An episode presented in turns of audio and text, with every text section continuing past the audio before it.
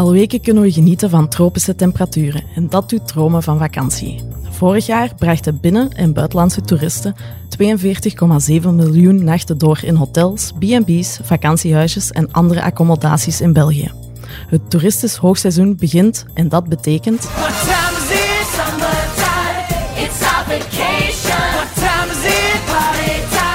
Anderen trekken dan weer over de grenzen heen, naar verre oorden waar de lokale, kleinschalige ondernemer het beste van zichzelf geeft. Al loopt dat niet altijd van een leien dakje. Gelukkig bestaan er NGO's die boeren en ondernemersorganisaties in het buitenland ondersteunen. Mocht je toch een staycation houden, dan kom je hoogstwaarschijnlijk in aanraking met pop-ups. En dan heb ik het niet over meldingen op je telefoon, maar wel over tijdelijke winkel- en horecaconcepten. Want ook dat is populairder dan ooit tijdens de zomermaanden. Leg je krant aan de kant, zet het journaal even uit, want hier krijg je een relevant en actueel maandoverzicht. We hebben het over toerisme, pop-ups en trias. Ik ben Babette Plessers. Welkom bij Optil. Optil, een maandelijkse actua-podcast van Unizo. Met Babette Plessers. Naar maandelijkse gewoonte zitten we op de hoofdzetel van Unizo in Brussel met drie kerstverse gasten aan tafel. Onze eerste gast is Katrien Lanen. Ze baat samen met haar zus de B&B B-Sis uit in het Brusselse en is helemaal klaar voor het drukke hoogseizoen. Dag Katrien. Dag Babette, wij zijn helemaal klaar om onze gasten in Brussel te ontvangen. De volgende gast is Ine Lippes van Trias, een goed doel dat ondernemers wereldwijd ondersteunt met bedrijfsadvies, kleine leningen en opleidingen op maat. Trias werkt samen met ondernemersorganisaties in Afrika, Latijns-Amerika, Azië en Europa. Maar vandaag blijft ze met plezier in België. Welkom Ine. Goedemiddag, Babette. En leuk dat ik hier mag aanschuiven. En onze laatste gast deze maand is Giel Sterks. Niet alleen zal hij veel pop-up stores bezoeken tijdens de zomermaanden, hij kent er ook nog eens alles over. Want hij is de expert retail binnen Unizo. Fijn dat je wil aansluiten bij dit gesprek. Dag Giel. Goedemiddag, bedankt voor de uitnodiging. Giel, ik begin vandaag graag bij jou om eens te polsen of je op vakantie gaat deze zomer. Ik hou het bij het zonnige Middelkerken en eh, ik ben al enkele weekends het eh, lokale festivalleven aan het, eh, aan het beleven. Dus eh, ik hou vooral eh, deze zomer bij de staycation. Ine, zelfde vraag. Ik moet verbouwen deze zomer, dus een staycation zal waarschijnlijk ook meer op zijn plaats zijn. Maar top, verbouwingen. Mhm. Want Katrien, als ik het goed heb, zal voor jou geen vakantie aan de orde zijn? Toch niet, Ine, ook wij nemen vakantie. Wij zijn met twee, wij verdelen de taken en zo kunnen we elk toch een kort stukje met vakantie deze zomer. Hoeveel gasten ontvangen jullie gemiddeld tijdens het hoogseizoen? Goh, daar is moeilijk, moeilijk een eh, aantal op te plakken, maar gemiddeld eh, is de helft van de tijd met een, eh, ja, een tien, twaalftal gasten eh, per maand eh, onze kamers bezet. Juli en augustus, is dat effectief jullie hoogseizoen? Niet echt. Eigenlijk is het hoogseizoen in Brussel eh meerder de lente, van paas, paasvakantie tot aan de zomer.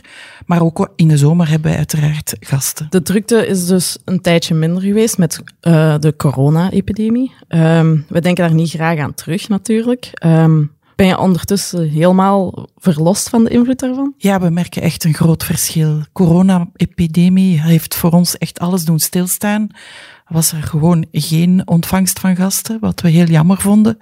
Maar sinds eh, ja, eigenlijk vorig jaar is dat langzaam op gang gekomen. En eigenlijk kunnen wij zeggen dat we meer gasten hebben dan daarvoor nu. Maar top. Er worden sinds 2020 opnieuw meer staycations geregistreerd ook. Eh, mensen die dus in eigen land blijven. Ine, wat is jouw favoriete plekje om naartoe te gaan? Goeie vraag. Ik vind de Oostkant ons wel heel fijn. Ehm, omdat ze daar ook Duits praten, is meteen al heel exotisch natuurlijk. Je voelt je niet echt in België. Ehm, en het is daar ook heel rustig om te wandelen, wat ik wel heel fijn vind. Giel, prefereer jij het buitenland of het binnenland? Ik doe meestal de combinatie, met de uitzondering van dit jaar. Maar eh, andere jaren doe ik een buitenlandse trip. Hoofdzakelijk Europa, de klassieke Belgische oplossing naar de Provence, Spanje of eh, Italië. Maar dan wel gecombineerd met nog een weekje aan de Belgische kust of zo. En dan aangevuld met hier en daar een in de Ardennen. Onze hoofdstad Brussel is een perfecte uitvalsbasis voor bijvoorbeeld een weekendje in eigen land. Ehm, en dan kan je dus terecht bij Pieces van Katrien.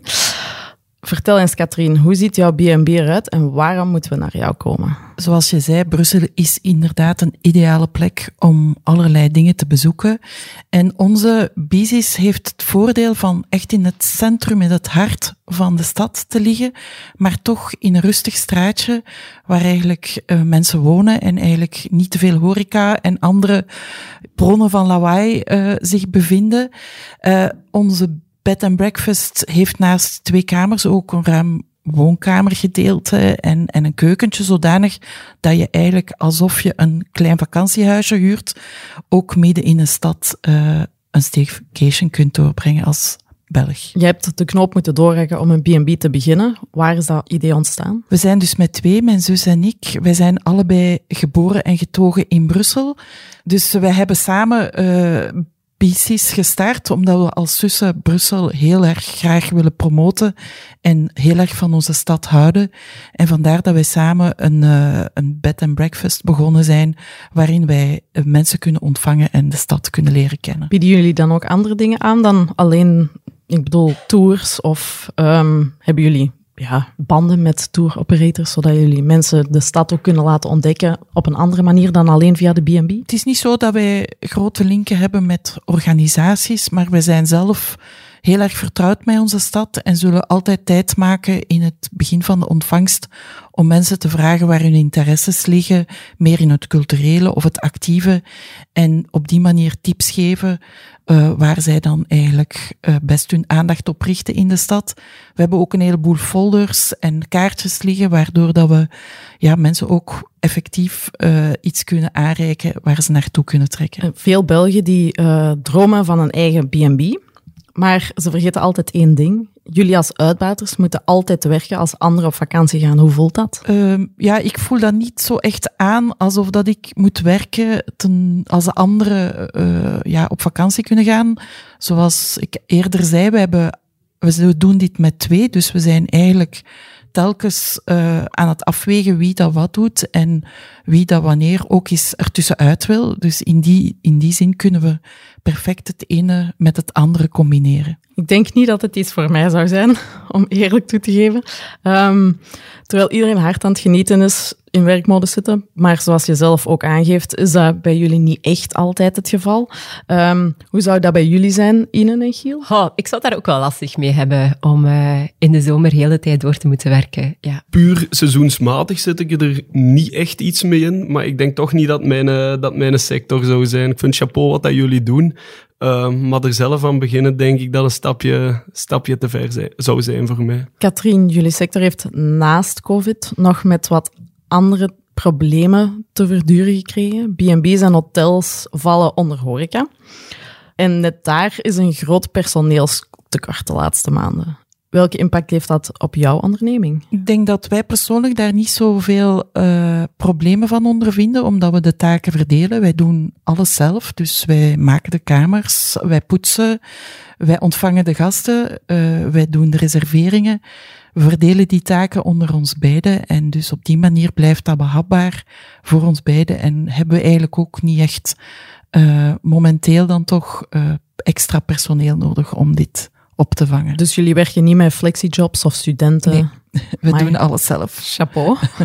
Je zei daar juist dat jullie... Hoeveel kamers hebben jullie juist? Twee kamers, ja. Uh, want in het Brusselse heb je vooral heel veel grote hotelketens. Hoe moeilijk is het dan om daar tegenop te boksen? Ik denk dat dat twee gescheiden werelden zijn. Hè. Dus mensen die op hotel gaan, die gaan daar vooral hè, binnen die zoekmachines of wat dan ook naar op zoek en zullen daarop zich richten om hun keuze te maken.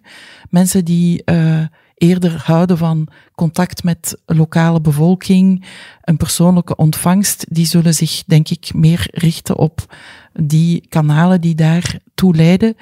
Dus op die manier ondervinden wij weinig uh, concurrentie.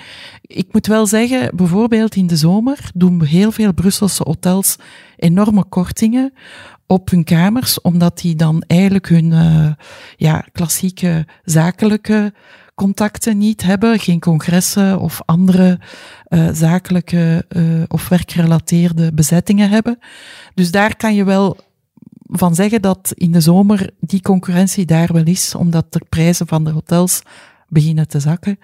Uh, maar ik merk toch dat wij ons ding kunnen doen en eigenlijk uh, op dat vlak de concurrentie, niet enorm hard aanvoelen. Ja, ik krijg heel vaak dezelfde vraag in een retail-context dan van uh, de grote internationale ketens ten opzichte van uh, de lokale winkeliers. Maar eigenlijk is daar het antwoord ook hetzelfde. Um, dat de authenticiteit, de service, uh, het productgamma, of wat dat je specifiek aanbiedt ten opzichte van de algemene eenheidsworst, zal ik het noemen. Ja, je springt er automatisch wel uit. Dus uw meerwaarde heb je sowieso. En ik denk dat dat hetzelfde is bij de bed and breakfast dan, dan in de retail. Dus ik begrijp het, ik begrijp het antwoord helemaal. Ja, vanuit een consumentenstand zou ik het ook wel leuker vinden om bij een kleinschalig hotel een overnachting te boeken, juist omdat je een persoonlijke service krijgt, tips over wat er in de buurt te doen is. Alleen vind ik altijd wel heel fijn als ik uh, een vakantie boek, probeer ik daar wel voor te gaan. Wij, wij gaan bijvoorbeeld ook uh, heel erg die ontvangst persoonlijk willen doen. We hebben nooit willen overschakelen op de code aan de deur of dat soort mm -hmm. zaken, omwille van het persoonlijke contact met de persoon die bij ons verblijft.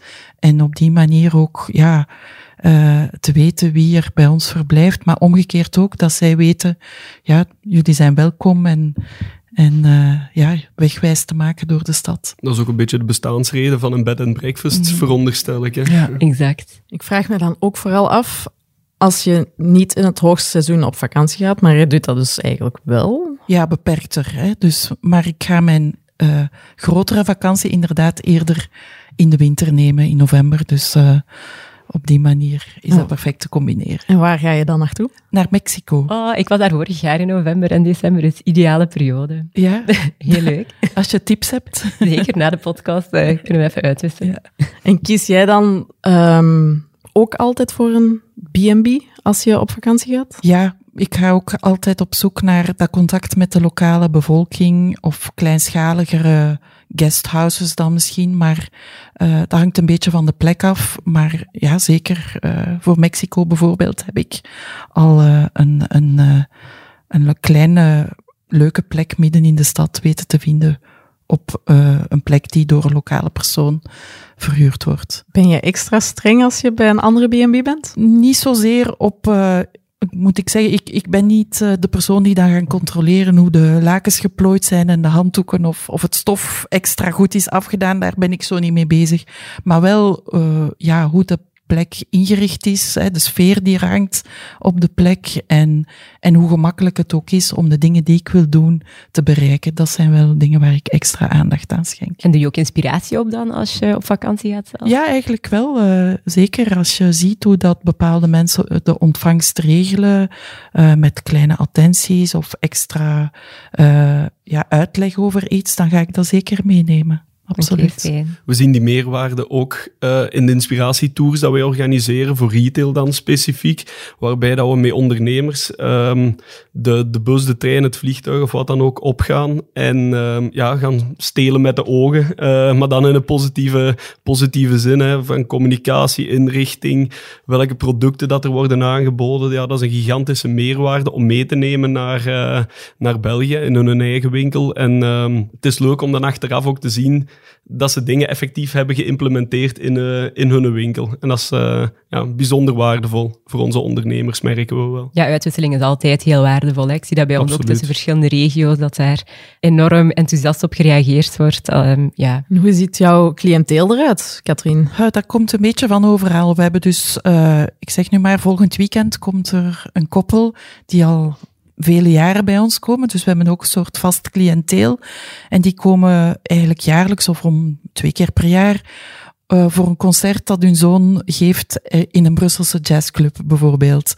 Uh, maar we hebben vorige week Argentijnen over de vloer gehad, die een aantal steden in Europa bezoeken, waaronder Brussel, en zo bij ons terechtkomen. Dus het is zowel een internationaal publiek van over zees als Europees en Belgisch. En hoe vinden zowel Belgische als internationale toeristen jou dan?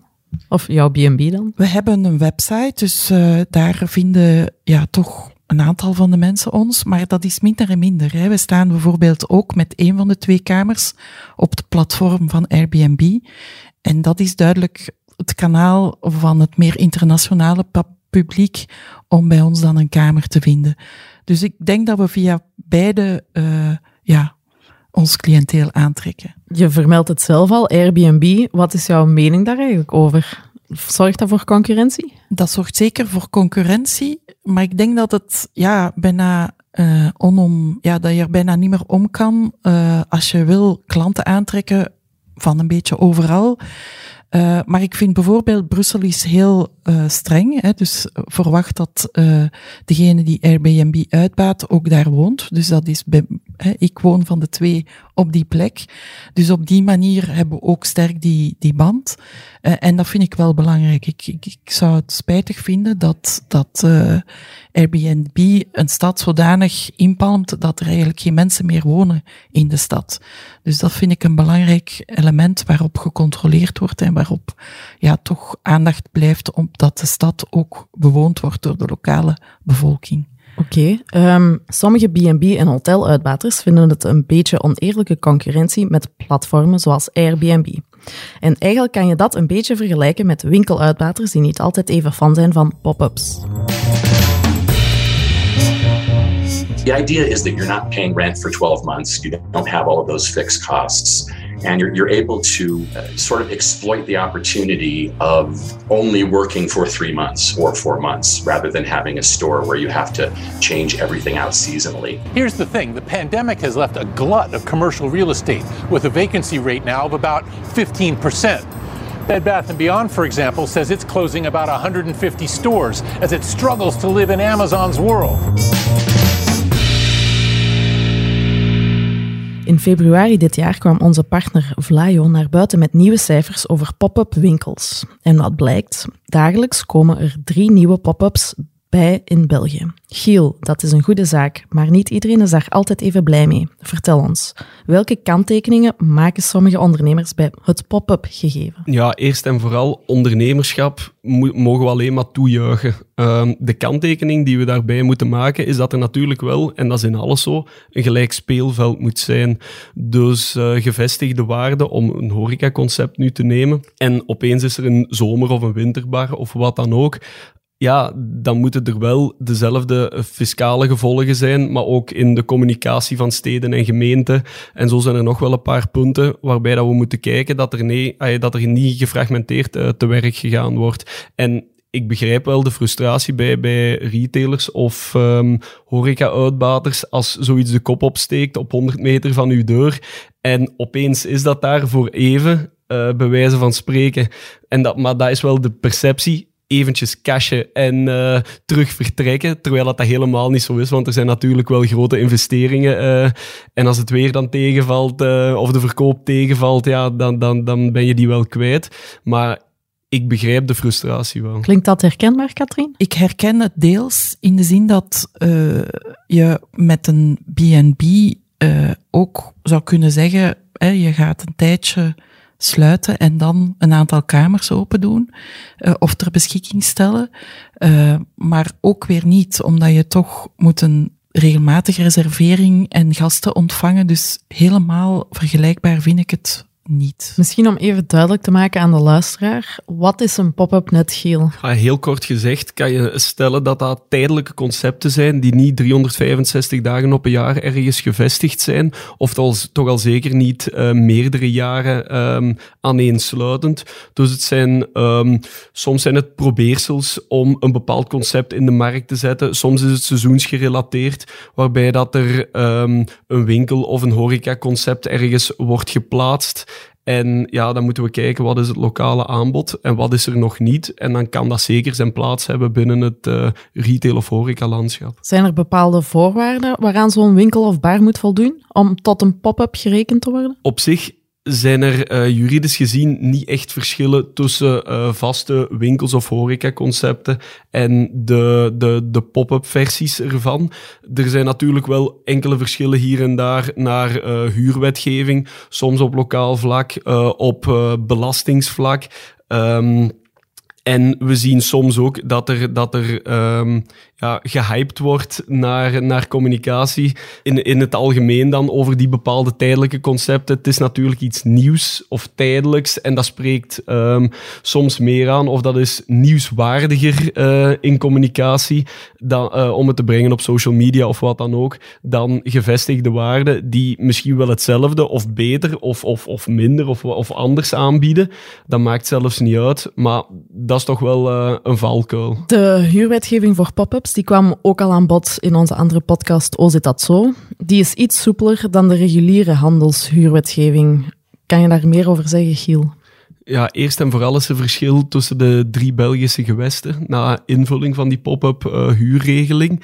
Daarnaast, ja, handelshuur is toch een vrij rigide gegeven, waarbij dat de termijnen vastliggen, de vroegtijdige beëindiging toch wel wat consequenties heeft. Het is ook een, een, een lange termijnsvisie uh, voor, voor handelshuur te, te, te verhuren, maar... Um, in pop-up is dat, is dat toch wel wat soepeler naar vroegtijdige beëindiging. Je kan natuurlijk geen uh, ja, tientallen maanden opzegging hebben als je maar een jaar of enkele maanden gaat bestaan. Dus daar zit wel een nuance in de, in de huurwetgeving.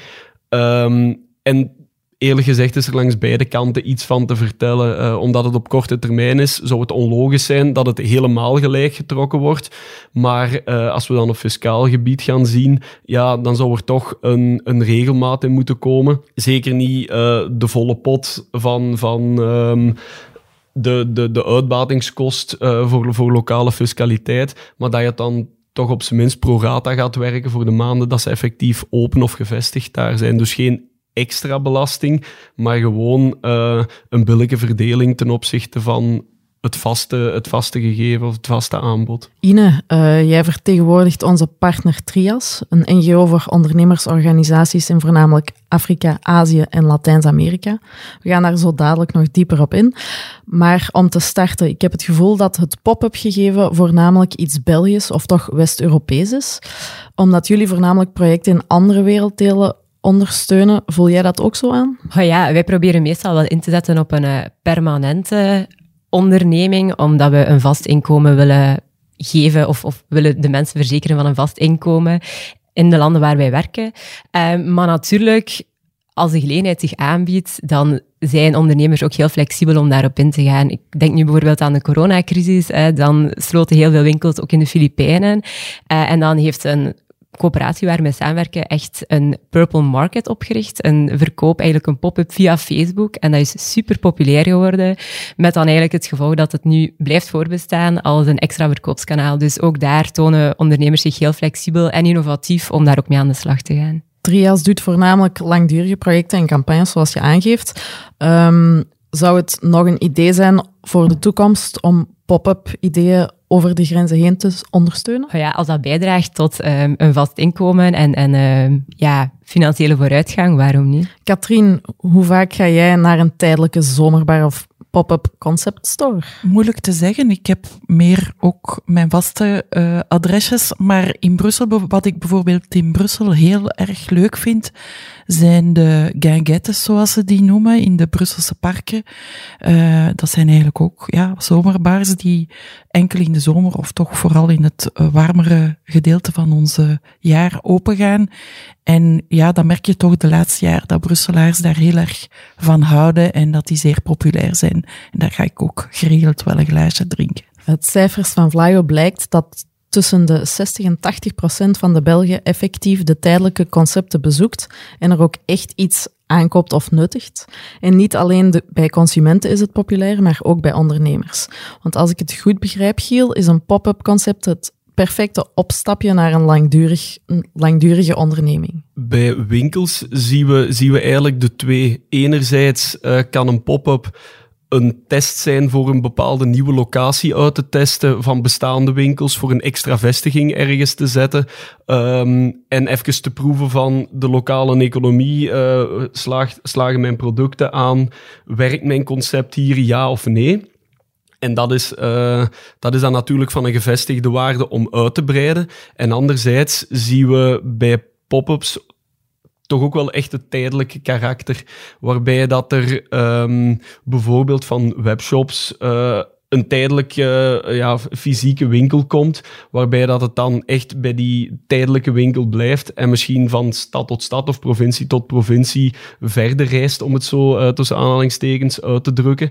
Um, maar het kan natuurlijk wel een hulp zijn om, om ja, om, om te proberen hè, en om te kijken. Risico, risico is er altijd bij ondernemen. Dus als je uh, binnen je businessplan of je visie op, op uitbreidingsmogelijkheden mogelijkheden alles kan ja, kan kijken hoe diep is het water naar de consument, dan, um, dan kan dat alleen maar ja, helpen in uw bedrijfsvoering. Kan leegstand voorkomen ook nog een ander voordeel zijn van uh, een pop-up start? Heel zeker. Uh, leegstaande panden zijn voor niemand goed. Niet voor de verhuurder, niet voor de lokale economie, niet voor het algemeen beeld in de, in de straat of winkelstraat, meer specifiek.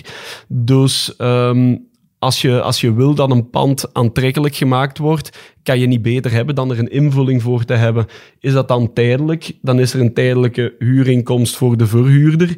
Is er een testcase voor de ondernemer zelf, eventueel om er zelf langdurig te blijven. Maar ook toekomstige huurders kunnen uh, opeens het licht zien en zien van, ah, oké, er zijn wel wat meer mogelijkheden dan uh, het leegstaand pand dat hier altijd is geweest. Dus dat kan zeker een hulp zijn om leegstand tegen te gaan, wat alleen maar positief is in, in die zin. Stel, ik wil een pop-up starten mag ik dan het pand aanpassen als ik ja, een pand huur voor een pop-up? Je kan van alles afspreken met de verhuurder zelf. Het hangt er natuurlijk vanaf hoe ingrijpend dat uh, de maatregelen zijn die je wil nemen. En je moet natuurlijk ook, ja, het blijft ondernemen en het blijft de bedoeling om economisch rendabel te zijn. Dus um, heel grote veranderingen om uw verkoop misschien een klein beetje te stimuleren, is misschien niet altijd aan te raden. Maar zolang dat je binnen die risicoanalyse beseft van ik ga kosten maken om meer baten te hebben uiteindelijk, kan dat wel. Uh, je zei daar juist zelf al, um, pop-up stores worden ook gebruikt om webshops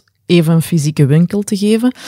Uh, waar komt de populariteit van die tijdelijke concepten vandaan? Ik denk dat de populariteit vooral te vinden is in de populariteit van fysieke winkels. Dus um, consumenten shoppen nu eenmaal heel graag. We hebben in België een heel uitgebreid winkelnetwerk. En dat blijkt uit, ook uit de, het aantal zelfstandigen dat, dat winkels heeft in België. Door allerhande redenen. Dat is cultureel, dat is ook qua, qua wetgeving, nou, solden en sper dat in het voordeel speelt. Maar ook het vertrouwen dat een fysieke vestiging van een bepaalde winkel heeft is ja, niet onder stoelen of banken te steken. We zien heel vaak dat pure webplayer, dus enkel webshops, dat zij toch een meerverkoop creëren door een fysieke winkel te hebben. En zelfs niet per se door te verkopen in die fysieke winkel, om maar wel door er naar te kunnen refereren. Dus als je een vast adres kunt hebben waar dat mensen ook de producten kunnen zien, voelen, passen enzovoort, dat dat toch wel een, um,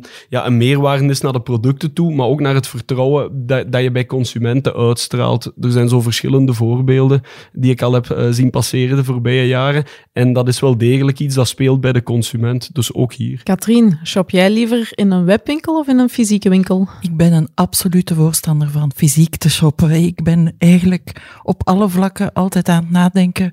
Uh, moet ik dit online doen of niet? Ik vind dat ook een kwestie van duurzaamheid. Dus daar ben ik heel consequent en uh, uh, ga ik altijd voor de meest uh, aantrekkelijke vorm van ja, de, hetgeen wat ik wil aankopen te zien, te voelen, zoals Giel zei. Ik vind dat enorm belangrijk. Hoe zit dat bij jou, Inne? Ik kan mij volledig aansluiten bij Katrien. Um, ik vind het ook heel belangrijk om je lokale economie ook te steunen. Dat is ook iets wat wij bij Trias um, heel fel promoten. En ja, het is gewoon niet zo duurzaam. Ik woon zelf ook in een stad. Ik woon in Gent, dus echt alles is binnen fietsbereik. Dus um, ja, ik probeer er goed over na te denken en, en mijn lokale handelaar ook te steunen. Giel, we hebben het al gehad over de mogelijke kritiek op pop-up concepten, maar ook over de voordelen van de concepten. Mijn vraag is nu vooral, hoe kunnen we iedereen tevreden houden? Ik denk goede afspraken en openheid in het algemeen. Wat bedoel ik daar specifiek mee? Is als je een charter opstelt vanuit stad of gemeente, handelsfederatie, lokaal enzovoort, dat er duidelijkheid is, dan, dat iedereen op voorhand weet aan wat ben je toe. Um, en dan de openheid die daarbij komt kijken is, richt je ook naar huidige winkeliers of, of horeca-ondernemers, om ook hen de kans te laten om op die open plaats of op die locatie zo'n zomerbar uh, eventueel ter vervanging of erbij te doen. Maar dan, dan ga je ook geen deelloyale concurrentie creëren tussen de gevestigde ondernemers en de tijdelijke ondernemers, zal ik ze nu even, uh, noemen. Dus ja, goede afspraken, goede vrienden. En ik denk dat dat ook hier heel, heel sterk geldt. En daarnaast kijk naar het huidige aanbod. Um, als er al bepaalde zaken in het aanbod zijn van gevestigde ondernemers, laat dat dan ook niet toe in de, in de aanvragen voor die pop-ups.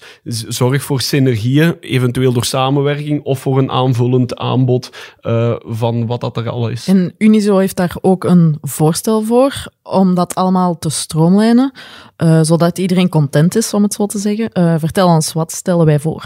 Wel, de punten die ik zo net zei, staan er sowieso al in. Dus de afspraken, maak een charter op vanuit stad of gemeente, waarbij dat die afspraken ook duidelijk zichtbaar zijn en open zijn voor, voor zowel nieuwe als gevestigde ondernemers. Maar um, kijk ook in de praktijk, ja, waar zijn er, waar zijn er gaten in het aanbod? Um, en, en ga daar dieper, dieper op in.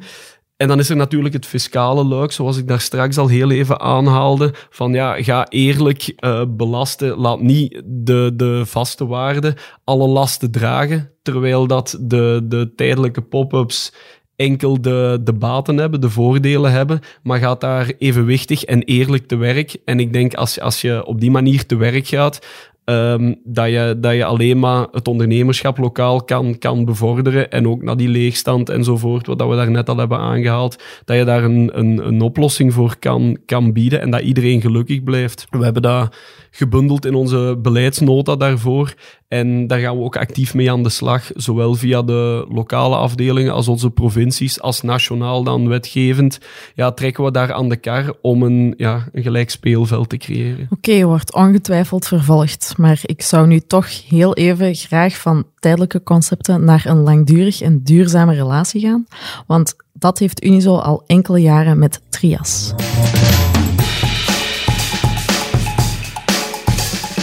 We are in agribusiness. I mainly sell my products in the supermarkets. Uh, my experience in agribusiness is this you have to be very passionate of your business and you have to put in time. Ondernemen in andere werelddelen brengt vaak andere uitdagingen met zich mee. Om ervoor te zorgen dat onze Belgische ondernemers dat niet vergeten, is Trias in het leven geroepen. In 1964 richtte de Boerenjeugdbond, de voorloper van de jeugdbeweging KLJ, landbouwprojecten in Congo en Rwanda op onder de naam Ieder voor Allen. Ook de voorlopers van Unizo en CDMV starten gelijkaardige projecten. In 2002 smelten deze drie organisaties samen tot Trias en is het uit geen enkel werelddeel meer weg te denken. Klopt dat een beetje, Ine? Ja, klopt helemaal, Babette. We hebben nu al een paar keer samengevat wat Trias uh, meegegeven, wat Trias is. Ondernemers in het buitenland ondersteunen, maar dat is misschien wat kort door de bocht. Kan je ons het hele verhaal een keer meegeven, alsjeblieft? Ja, dat kan ik zeker. Uh, Trias is dus een internationale NGO, maar met Belgische wortels, zoals jij daarnet al aanhaalde. Uh, we zijn actief in 17 landen in Afrika, Latijns-Amerika, Zuidoost-Azië en ook in België natuurlijk. En wij versterken en ondersteunen ondernemers en boeren. We doen dat niet door rechtstreeks samen te werken met die ondernemers, maar we gaan eigenlijk via ondernemersverenigingen, de plaatselijke unizo's eigenlijk, gaan samenwerken. Um, we doen dat op drie manieren. Eén, we gaan adviseren. We geven advies en info rond wettelijke verplichtingen als ondernemer, info over financieringsmogelijkheden, heel praktische skills, etc. We gaan ook uh, als tweede trainingen en opleidingen gaan organiseren, samen met onze partners. Um, zo hebben we in Guinea bijvoorbeeld een trainingscentrum voor bakkers opgericht, waar jongeren echt wel alle praktische skills van hey, hoe maak ik een goed deeg bijvoorbeeld, maar ook alle andere uh, marketing skills of, of um, boekhoudkunde leren ja, en op basis daarvan zijn die gewoon goed gelanceerd. En ten derde um, zorgen wij ook voor financiële ondersteuning. Samen met onze partners, coöperatieven vaak, gaan we kijken of we microleningen kunnen gaan, gaan uh, aan, aanbesteden eigenlijk aan, aan de leden. Want vaak werken we met heel kleinschalige ondernemers samen die voor een gewone bank niet groot of kapitaalkrachtig genoeg zijn en zo uit de boot vallen. Dus op die manier gaan we toch proberen om hen ook uh, ja, middelen te geven om een onderneming verder uit te bouwen. Um, en dat is heel belangrijk, um, dat we met ondernemers samenwerken. Want wereldwijd zijn er ongeveer een 2 miljard mensen onder, actief als ondernemer. Dat is gigantisch veel als je weet dat we met ongeveer 8 miljard zijn. Want vaak is voor uh, de mensen in de landen waar we werken de enige mogelijkheid of een van de enige opties om echt een vast inkomen te hebben. En door hen samen te brengen, hen te empoweren, kunnen we er eigenlijk voor zorgen dat zij financieel onafhankelijk worden. En op die manier wel een uh, positieve verandering voor een ja, samenleving kunnen, kunnen achterlaten. En dat is natuurlijk belangrijk, omdat wij zo op die manier ook de samenleving van onderuit proberen te veranderen richting een um, rechtvaardige economie en een eerlijke maatschappij waar eigenlijk iedereen uh, zijn plaatje heeft. En hoe doen jullie dat dan? Um, organiseren jullie campagnes? Is dat via bepaalde projecten? We werken vooral langdurig samen met partners. Dat is belangrijk om echt verandering teweeg te brengen. En we betrekken ook onze Belgische partners natuurlijk in die samenwerkingen. Zo zijn we een Oegandese versie van een startersplatform aan het oprichten bijvoorbeeld, samen met experts van Unizo. We werken daarvoor samen met UCIA, dat is een Oegandese organisatie voor ondernemers. Um, en in Oeganda zit het eigenlijk zo dat daar een heel jonge bevolking is. Ongeveer 70% van de bevolking is jonger dan 30 jaar, dus dat is gigantisch. En anderzijds, ondanks dat dat land wel economische groei kent uiteraard, is die heel ongelijk verdeeld en verzeilen heel veel jongeren in jeugdwerkloosheid. En de enige manier, of een van de enige manieren om dat tegen te gaan, is door ondernemers te worden. Vaak gaat dat op een heel informele manier. Met alle gevolgen van die natuurlijk. Uh, ze hebben geen sociale bescherming. Het is heel moeilijk om aan extra financiering te geraken. Dus daarom dat we samen met WCA daar iets aan willen veranderen. Door het startersplatform op te richten. Een heel laagdrempelige manier waarop mensen alle informatie kunnen vinden die zij nodig hebben om formeel te gaan ondernemen. Alle wetten, wettelijke verplichtingen, maar ook al een, een rechten eigenlijk die zij hebben als ondernemer. Um, dus dat doen we aan de hand van filmpjes vooral, dat ze echt heel makkelijk op een smartphone kunnen bekijken, links naar de juiste website en dergelijke. En anderzijds werken we ook net in, zoals in de Belgische versie eigenlijk, aan een platform waar zij hun businessplan heel goed kunnen opmaken. Met het gevolg, eh, we hopen dan natuurlijk dat zij op die manier ook meer naar banken kunnen stappen en betere leningen of überhaupt leningen kunnen krijgen om een onderneming uit te bouwen. Um, dus dat zijn we momenteel aan het doen. Heel fijne samenwerking. De content is bijna klaar. Alle filmpjes zijn er. Het starterplatform is echt al heel uitgebreid. Het is heel fijn. Uh, en deze zomer worden echt uh, UCIA-ambassadeurs getraind om op pad te gaan met de, het platform om ondernemers te betrekken en zo eigenlijk alle jonge ondernemers in Oeganda ervan bewust te maken en, en op de hoogte te brengen dat het platform bestaat en dat het uh, heel nuttig kan zijn voor hen. Katrien, steun jij goede doelen? Ja, ik, ik vind dat wel belangrijk dat je ook uh, anderen onderneemt en ik, ik kijk dan vooral naar dingen die rond duurzaamheid en de klimaatdoelstellingen draaien, maar ook rond het sociale, versterken van sociale netwerken of aspecten die met gezondheid te maken hebben. En zou Trias iets voor jou zijn? Om Denk het wel, ja.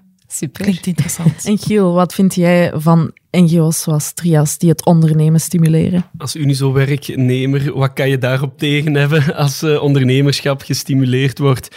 We hebben bij ons heel veel know-how uh, en geschiedenis in ondernemerschap in een andere orde dan, dan lokaal. Dus waarom zou je er niet op ingaan? Um, en, en ik vind het fantastisch dat het structureel is, dat het niet enkel financieel is, maar dat je ze echt op weg helpt, op weg zet, informeert over, ja, over echt hulp, wat dat ze op hun eigen benen kunnen staan in de toekomst. En dat is alleen maar toe te juichen. Ja, dat is echt wel heel belangrijk, die structurele samenwerking. Ook samenwerken met, hè, we, gaan, we gaan vooral kijken wat de noden ook zijn, hoe dat wij in ons netwerk ook de expertise kunnen vergaren om, om ja, bij te staan, maar ook die uitwisseling langs twee kanten is super belangrijk ook van ons, omdat wij er ook van overtuigd zijn natuurlijk dat uh, Unizo ook heel veel kan leren, bijvoorbeeld van UCIA. Dus dat is ook heel fijn om uh, het twee richtingen te zien uitgaan in het, uh, in het project. Ja, absoluut. Ik denk dat je door de lokale handelsverenigingen ook niet te passeren, zal ik het, eh, zal ik het noemen.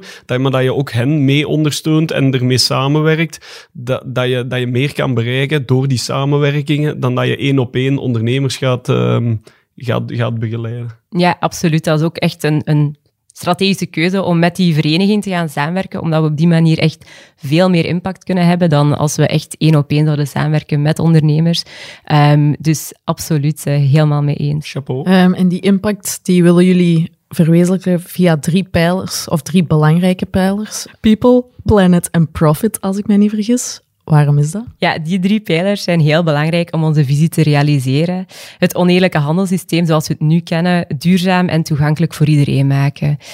Eén, people spreekt een beetje voor zich, maar toch um, gaan we vooral focussen op mensen die nog meer drempels ondervinden bij het ondernemen. Dat gaat dan vaak over vrouwen, jongeren, soms ook minderheidsgroepen. Zo organiseren we bijvoorbeeld um, leiderschapscursussen voor vrouwen in Oeganda, hebben we dat bijvoorbeeld al gedaan. Zo is er Jovia. Zij volgde eigenlijk als deelnemer een cursus om haar zaak, zij, is nog altijd een kleermaakster, te laten groeien. En zij is na dat traject niet enkel ja, professioneel heel hard gegroeid, maar ook persoonlijk. En zij heeft dan besloten van, ik wil eigenlijk zelf ook lesgeven. En zij inspireert op haar beurt nu jonge onderneemster om uh, ja, het beste in zichzelf naar boven te halen en een onderneming te laten groeien. Dus dat is heel belangrijk voor ons, die people. Uh, profit gaat vooral over financiële zelfstandigheid, want wij geloven erin dat mensen financieel onafhankelijk moeten zijn om een eigen stem ook te kunnen vormen, om op te staan tegen corrupte of heel machtige overheden of bedrijven. Echt, in elke context is natuurlijk anders, maar dat zorgt er wel voor dat zij een goed tegenwicht kunnen vormen om ook naar die rechtvaardige samenleving uh, te bouwen.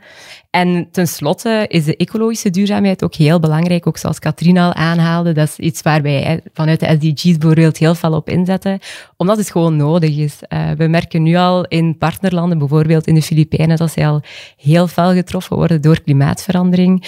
Er zijn meer en meer tyfoons bijvoorbeeld, die dan volledige ondernemingen verwoesten. Um, boeren en ondernemers hebben daarom een groot deel van het jaar geen inkomen bijvoorbeeld. Dat is absoluut niet vast. En daar proberen wij samen met onze partners te kijken van oké, wat kunnen we infrastructuurgewijs beter doen om uh, ja, de de ondernemingen meer bestand te laten zijn tegen die klimaatverandering. Maar ook hoe kunnen we misschien ook zorgen dat tijdens maanden waarin het moeilijk is of waarin dat er het echte tyfoonseizoen heerst, uh, zij ook andere um, handelsactiviteiten kunnen doen om ervoor te zorgen dat zij toch een inkomen hebben. Dus drie, die drie zaken zijn echt wel heel belangrijk om, om ervoor te zorgen dat we meebouwen aan een solidaire en duurzame samenleving waar dat gelijke kansen en financiële zekerheid voor iedereen aanwezig zijn.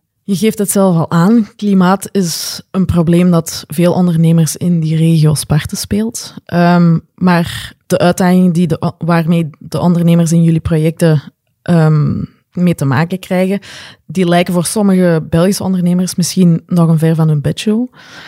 Hoe reëel is het dat ook wij bijvoorbeeld met klimaatgebrande problemen te maken gaan krijgen tijdens het ondernemen of in het, onze ondernemingen? Ja, ik denk dat dat wel meer en meer een, um, een probleem kan zijn, of dat dat een realiteit gaat worden. Um, denk nu al aan de droogtes bijvoorbeeld, of dan de hevige regenval van een paar jaar geleden in het Luikse.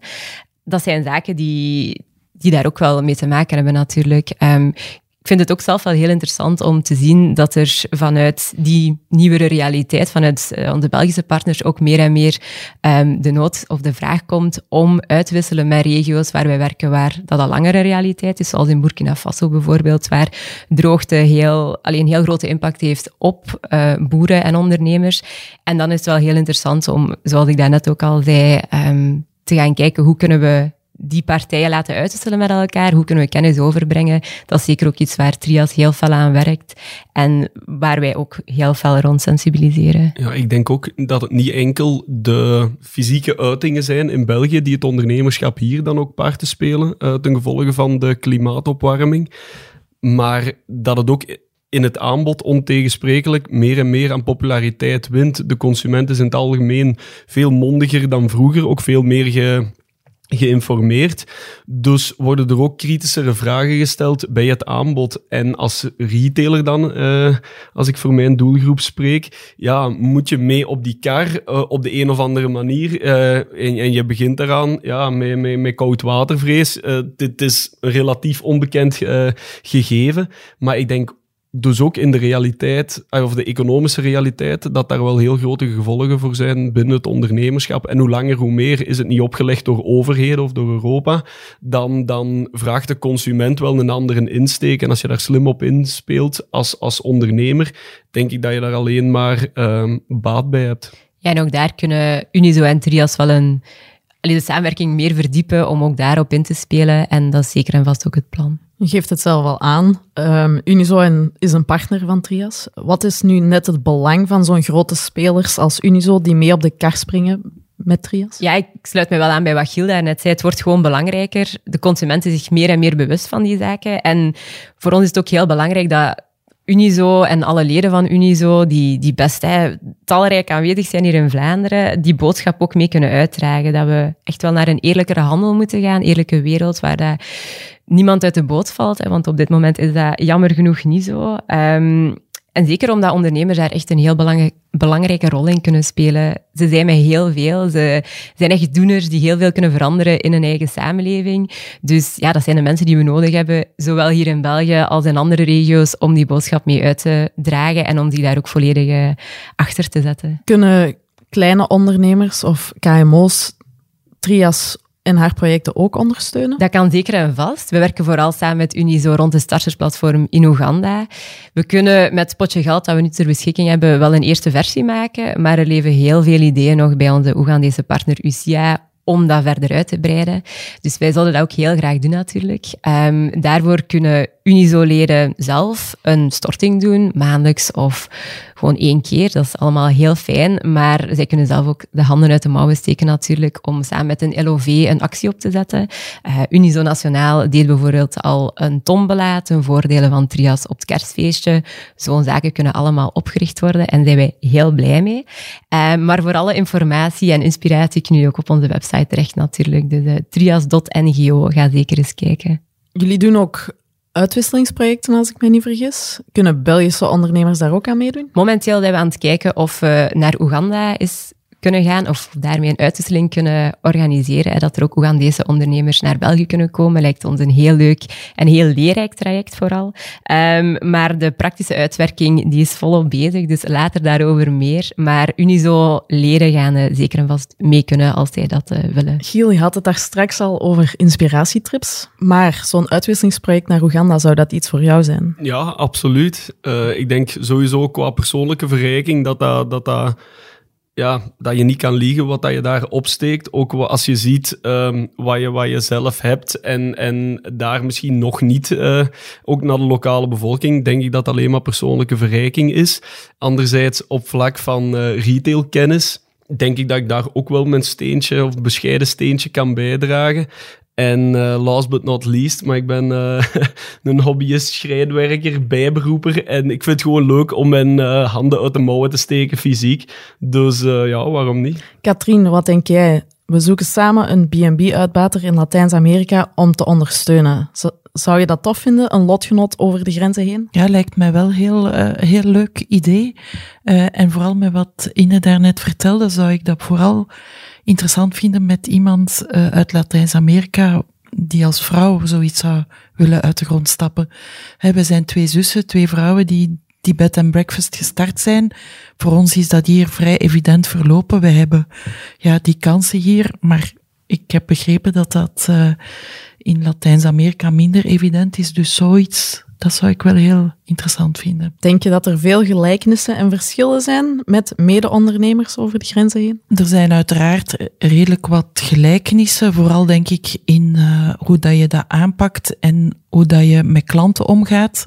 Het, uh, het logeren of het reizen is een internationaal ge gebeuren en ja, veel mensen van over heel de wereld verwachten gelijkaardige zaken.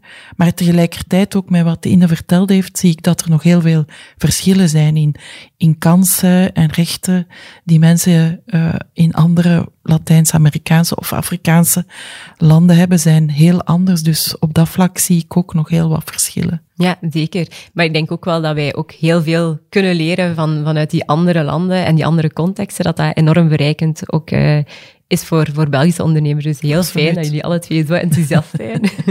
Is dat eigenlijk mogelijk in een zo'n zelf een project voorstellen aan Trias? Ehm, Als je een idee hebt, kan je dat altijd eh, laten weten natuurlijk. Dan kunnen wij kijken of daar eventueel financiering is, of we dat kunnen laten aansluiten op een bestaand traject of een bestaand, bestaand thema waar wij rond werken.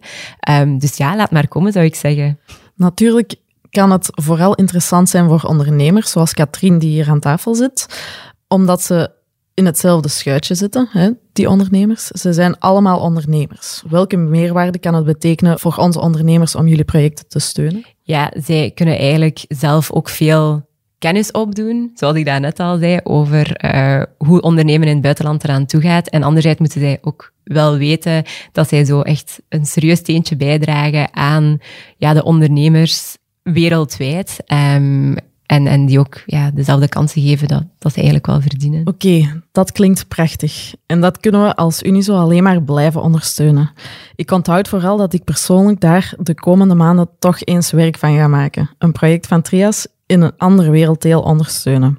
Of dat het nu een pop-up project is of niet, het zijn allemaal ondernemers. En misschien moet ik dat project dan ook maar eens gaan bezoeken. Zo kan ik meteen de lokale B&B-eigenaars ondersteunen.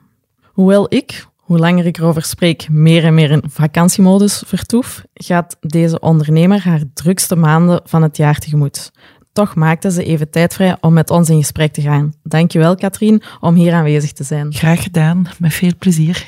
Nog een korte vraag. Kan ik nog een kamer boeken bij BICIS deze zomer? Dat kan. Er zijn nog een paar kleine, een paar dagen vrij. eh, dus als je zin hebt, dan kan je naar onze website en daar een mailtje sturen en dan beantwoorden wij jouw vraag. Dankjewel.